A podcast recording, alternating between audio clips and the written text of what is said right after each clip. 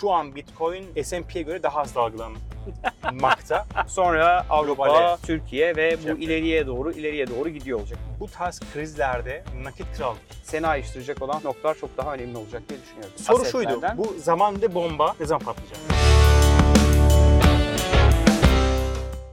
Merhaba. Merhaba. Armancığım dördüncü bölüm. Dördüncü bölüme geldik. Ve- Söz verdiğimiz gibi İyi gidiyoruz. arka arkaya bölümlerimiz geliyor. Gerçekten Swipeline ekibi olmasaydı bence biz bu istikrarı yakalayamazdık. Yakalayamıyorduk. Yakalay- yakalayamadık ya. Uzun bir süre yakalayamadık. Bu bölüm 2023'te yayınlayacağımız ilk bölüm. Aynen öyle. O nedenle Biraz 2022 nasıl geçti ekosistemde, dünyada, piyasalarda ve 2023 de bizi neler, neler bekliyor biraz onları konuşalım. Başlamadan aldığımız uyarı üzerine lütfen e, bölümü beğenmeyi, kanala abone olmayı unutmayın. Unutmayalım. E, çünkü eğer hani bizim bölümler izlenmezse Swipeline ekibi şey dedi, kovarız siz dedi. İyi de bir transfer ücreti aldık biliyorsunuz. Yollar TV'yi buraya sattık biz, exit ettik. O yüzden hani e, bizim vestingimiz devam ediyor. Yani para kazanabilmemiz için bizim 1 milyon dolar demiştik değil mi satış fiyatına? Aa, açıklamamış mıydık? Açıklamamıştık Tamam pardon onu, onu açıklamamıştık. Onu sileriz herhalde yayınlamadan önce. O yüzden rica ediyoruz lütfen bölümü beğenin. Yorumlarınızı bekliyoruz. Ve zile basın ki bir sonraki bölümlerden haberdar olun. Peki Arman nasıldı 2022? Nereden başlayacaksın? Sana bir şey söyleyeyim mi? Hiç Şöyle haberim yapalım. yok ya. Ha. İlk akla gelen 2022 dediğimizde benim ilk aklıma gelen Market crash. elimizdeki kripto ve NFT varlıkların yerle bir olması. Ben de o zaman Amerikan borsalarındaki hisselerin yerle bir Evet. olması yani diye şey yapabilirim sana çok yani. büyük bir erime yaşadık. Evet. Yani ciddi büyük bir erime yaşadık. Ve sadece şey değil yani kripto borsalar sadece çökmedi. Hatta çok ilginç bir şekilde Bitcoin şu aralar 16, 17, 18 binlerde inanılmaz bir şekilde sabit gidiyor. Yine bu Türk lirası gibi. borsa Yine Birileri- ara- birileri- sabit tutuyorlar abi. Sabit Müdahale ediyorlar. Müdahale ediyorlar piyasaya herhalde. Abi ne diyeceğimi unutturdun ya. Pardon pardon. Ee, şeyden başlamıştık. Ee, NFT'ler şey, öyle yani, böyle e, şey, ya, kripto bir noktaya kadar çöktü. E, kripto demeyeyim, Bitcoin bir noktaya kadar çöktü. Aha. Ethereum. Yani büyük kripto currency'ler bir noktada tutundu ama hakikaten hepsi hep birlikte çok büyük geridi. Hatta tam bunu diyordum. Ee, daha bir iki gün öncesi tekrardan Nasdaq e, birçok teknoloji şirketi ciddi değer kaybetti. Ve şey hep gözüm bir yandan kriptoda. Kripto geldiği noktada çok güzel bence bir tutunma yaşıyor şu an. Bence güzel bir şey. Hatta bir ara dalgalanmaya baktıklarında şu an Bitcoin S&P'ye göre daha az dalgalanmakta. Çok Ee, çok iyiymiş. güzel bir şey. Gerçekten çok Ee, iyiymiş. ama tabii bu şu gerçeği değiştirmiyor. NFT, özellikle NFT değerler gerçekten yani onda bire kadar düşen şeyler var. Ama senin de gibi borsalar, kripto değerler, birçok yatırım aracı maalesef değer kaybetti. Bu zamanlarda aslında altın çıkması beklenirken orası da şey yapmadı. Ya orada da ciddi bir hani altına hedge ediyorlar ya. Ben de bir, bir kısım oraya hedge etmiştim Ee, ama orada çok büyük bir yükseliş görmedik. Hı.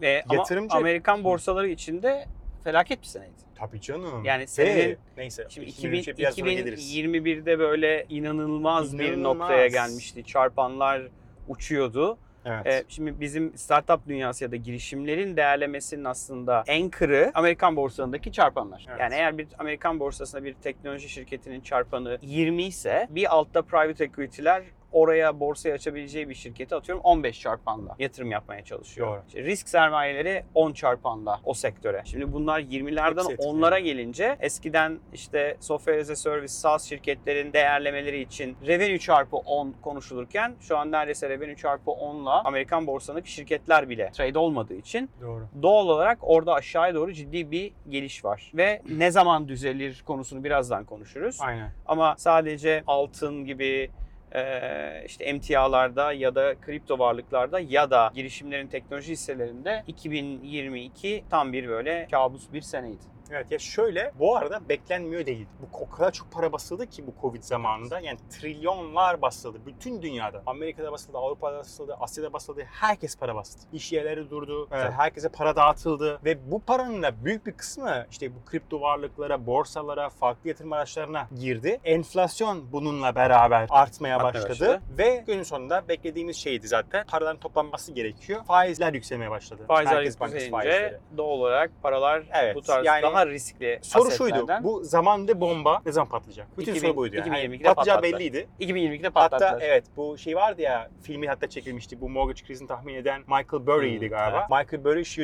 diyordu yani hatta o erken davrandı yine. Shortlamaya başlamıştı. Tahmin ediyorum oradan zarar da etti ama günün sonunda en son şunu demişti. Birkaç hafta önce ne kadar short olduğumu tahmin bile edemezsiniz. Resmen bunu söyledi. Yani şu an tekrardan bir film senaryosu çekiyor olabilir ya orada.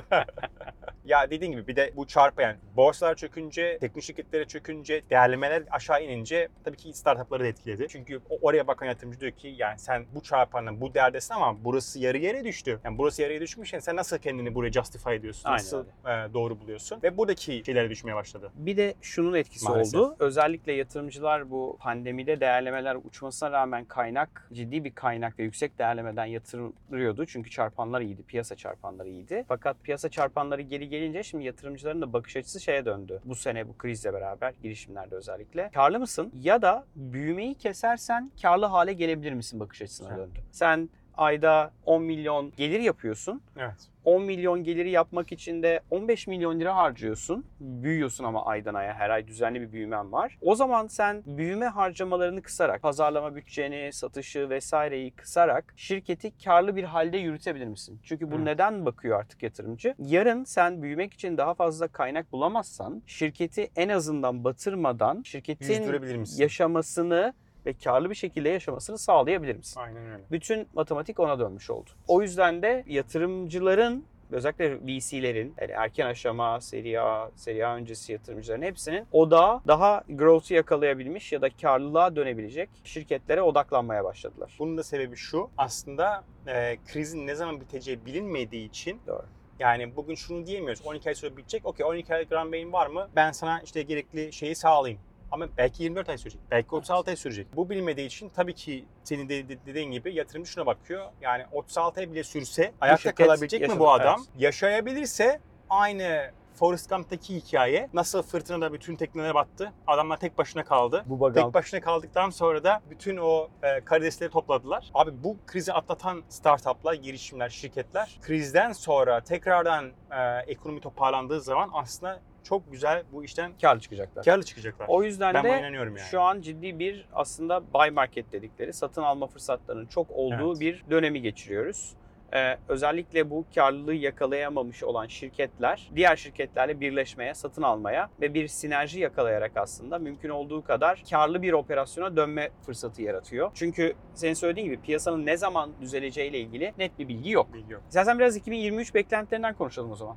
Yani hani çok şey Bunları söyledikten sonra ya bence şöyle hani ben en azından hani herkesin sorusu şu E- e- Endeavor'ın e, galaya gittiğimizde Matt Harris'le ve Nick Baum'la paneller vardı. Bayağı bir sohbet etme şansımız oldu ki genelde şöyle olacak benim beklentim. Amerika önce toparlamaya başlayacak. Amerika'da değerlemeler yükselmeye başlayacak. Sonra Avrupa, Globale Türkiye ve bu yapacak. ileriye doğru ileriye doğru gidiyor olacak. Ama oraya gelene kadar bence hala şey var. Beklenti iyi Doğru. değil. Nick'in panelinde bu konusu çok geçti bu konunun ve Nick şöyle dedi. Q3 sonrasında artık bir şey bekleyebiliriz. Düzelme bekleyebiliriz Hmm. piyasalarda. Yani Q1, Q2, Q3'te hala buna benzer bir pazarda devam ediyor olacağız. Şirket değerlemeleri olsun, e, piyasa koşulları olsun. Ama oradan bir sonraki yere gitmek için tahminen Q4'de iyileşmeleri, değerlemeleri yukarı çıkmasını bekliyor olacağız algısı var. Yani zamanlama ilgili bir şey diyemeyeceğim ama benim hissiyatım daha dibi görmedik. Oo. ve maalesef e, bu son 1-2 günde de takip ediyorum bazı e, hisseleri inmeye devam ediyor. Hı. O yüzden benim tahminim ne kadar daha sürer bilmiyorum ama bir tur daha aşağı in- in- ineceğiz. Ve belli bir süre sonra 2023'te mi olur, 2024'te mi olur bilmiyorum ama ben şunu düşünüyorum. 2023 bence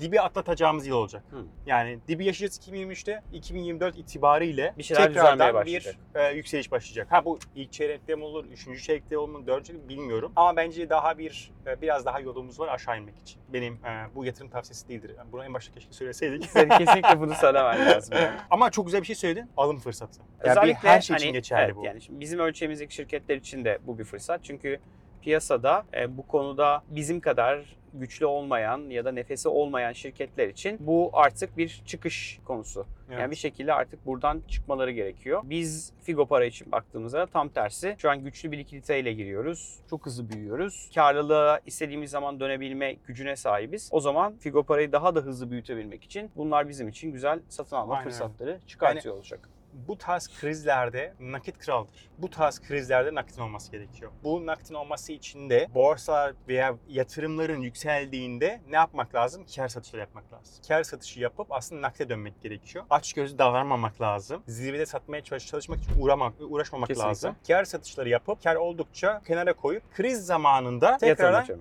lazım. Buna şey diyorlar işte dollar cost averaging yani peyderpey bir anda hepsini yatırmak değil düştükçe almak gerekiyor. Çünkü ne kadar düşeceğini tahmin edemiyoruz. Kimse bilmiyor. Belki bundan daha bir %10 düşeceğiz. Belki bir %7 daha düşeceğiz. Ama dollar cost averaging ile yani belli aralıklarda, belli zamanlarda almaya devam edersen ucuzdan ortalama çok güzel bir noktaya gelebilir. Doğru. Ve yükselişte bunun da çok ciddi anlamda faydasını yaşayacaksın. O yüzden cash is king yani. O zaman girişimler için şunu söylüyoruz. Diyoruz ki mümkün olduğu kadar runway'i uzatın. Şirketin yaşam ömrünü uzatmaya çalışın. Bunu yaparken de gerçekten kaynak ihtiyacınız varsa, yatırım almayı planlıyorsanız büyüme trendini her zaman göstermeniz gerekiyor. O yüzden eldeki kaynağı gerçekten büyümeye yarayacak faaliyetlere harcamak çok kritik diye düşünüyorum. Türkiye için baktığımda da şu an nereden baksak herhalde bir 600-700 milyon dolara geldi. Türkiye'deki fonların şu an alokasyonları. Ya bu demek oluyor ki önümüzdeki 4 sene içerisinde yaklaşık 600-700 milyon dolar para Türkiye'deki ya da işte bunların bir kısmı işte Eastern Europe'da var. Bu bölgedeki girişimlere yatırım yapılmak üzere alınmış. Bu o nedenle de bu girişimler için büyük bir bence